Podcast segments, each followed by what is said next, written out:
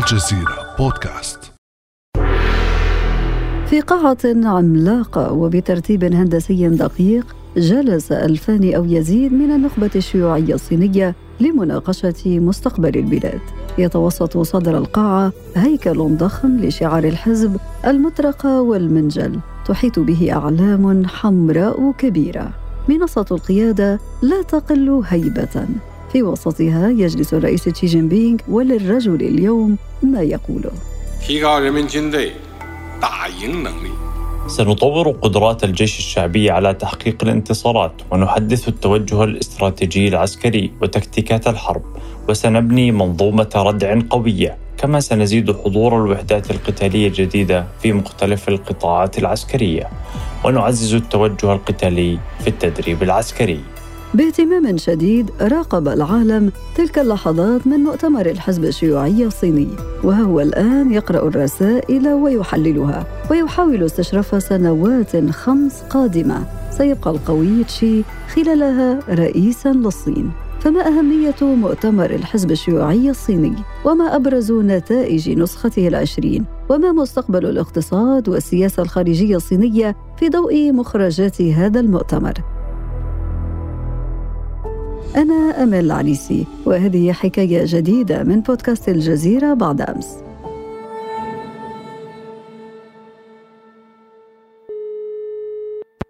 يسعدني في هذه الحلقة استضافة الصحفي محمد خنفر. أهلا وسهلا بك أستاذ محمد.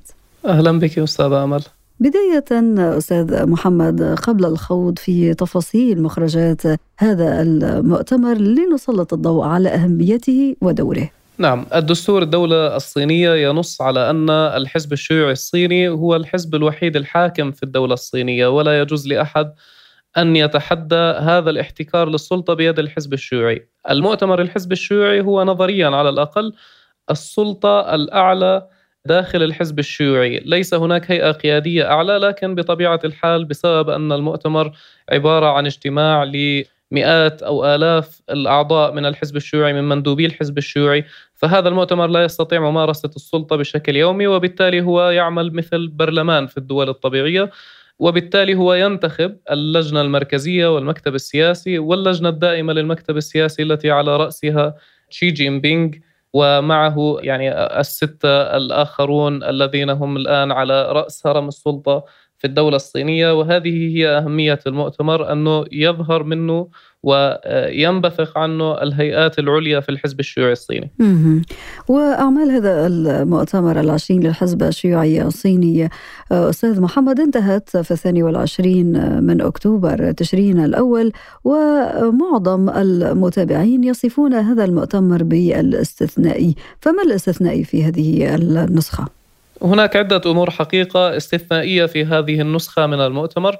بطبيعة الحال شي استطاع أن يعدل الدستور الصيني بحيث يسمح لنفسه بأن يحكم لفترة ثالثة منذ سنوات منذ عام 2018 لكن هذه هي المرة الأولى التي يثبت شي قدرته فعليا على إعادة انتخابه كقائد أعلى للدولة الصينية وللحزب الشيوعي. فهذه هي أول مرة في تاريخ الحزب الشيوعي الصيني أن يحصل مثل هذا التغيير.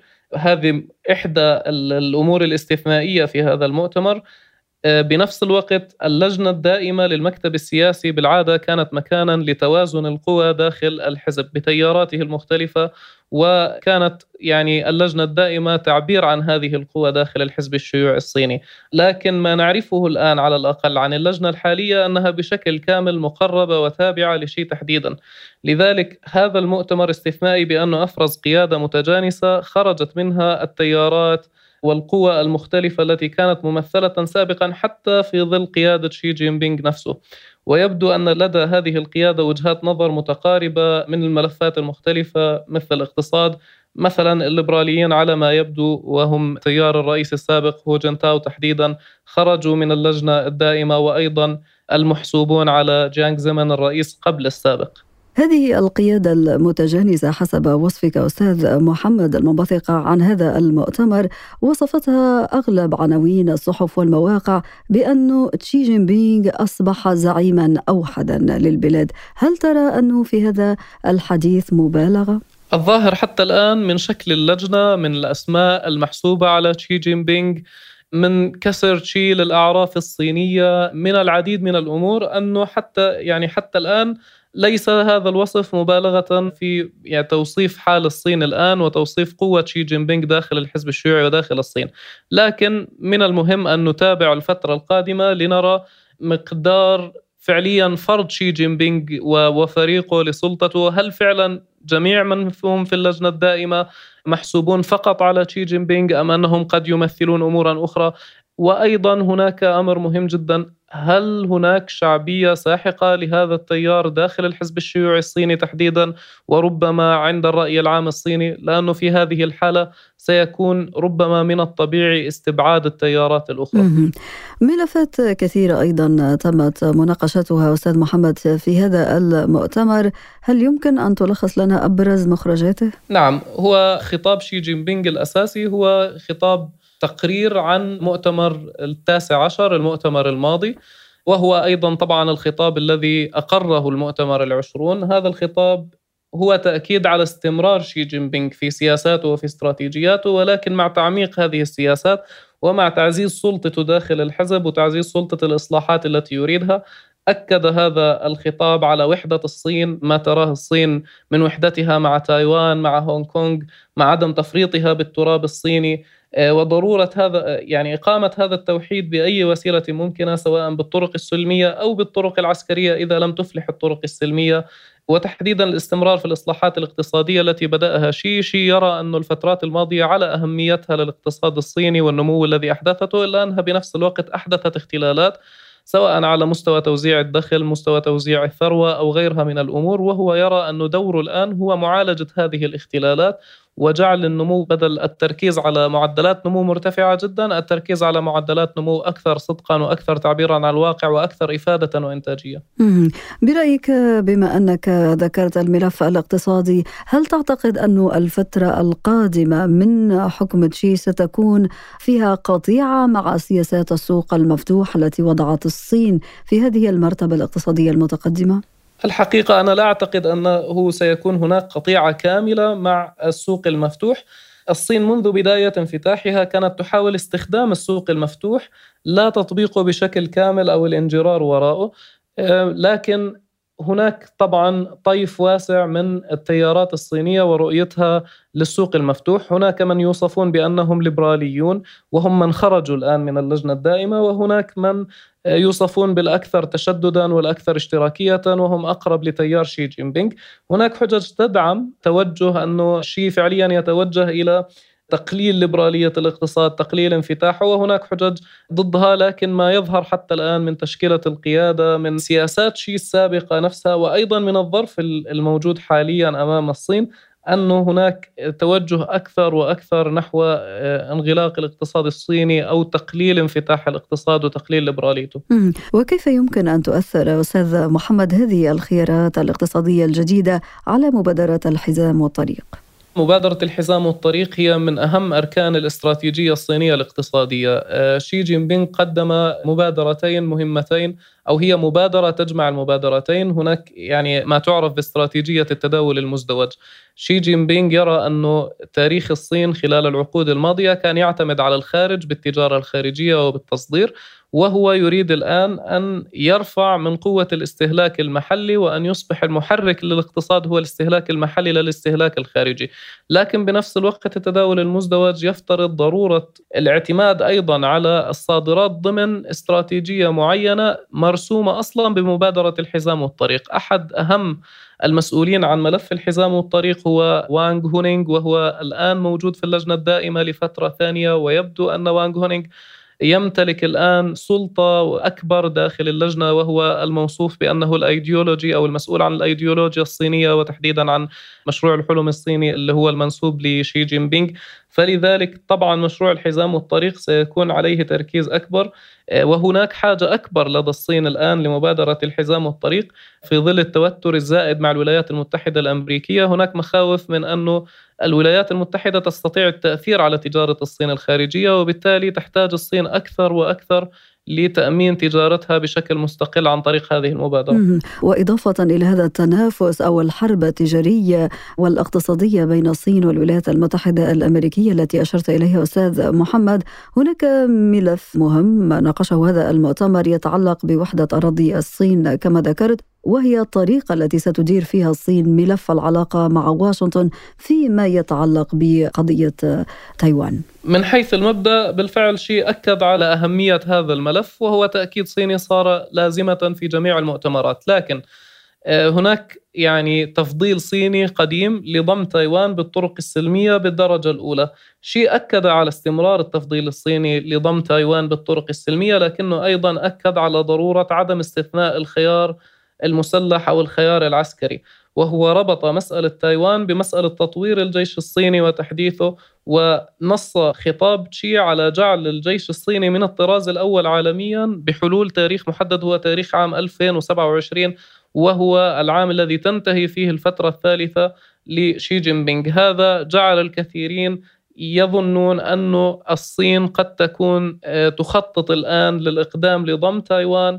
خلال هذه الفترة خلال الفترة من الآن وحتى نهاية الفترة الثالثة لشي جين بينغ ربما حتى يكون هذا إنجازا من إنجازات الرئيس الصيني خصوصا مع مثلا مع تباطؤ الاقتصاد.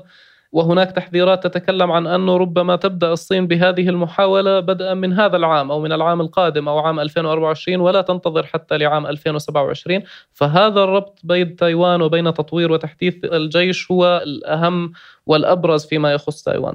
ولكن هذا التعاطي مع الملف بهذه الطريقة وسط التحذيرات التي ذكرتها أستاذ محمد قد يزيد من توتر العلاقات بين الصين وأمريكا. نعم لكن العلاقات الأمريكية الصينية محكومة بتوتر متزايد بسبب الطرفين. الصين تستفيد بلا شك من كل عام يمر بدون مواجهة مع الولايات المتحدة الأمريكية لتقوية نفسها.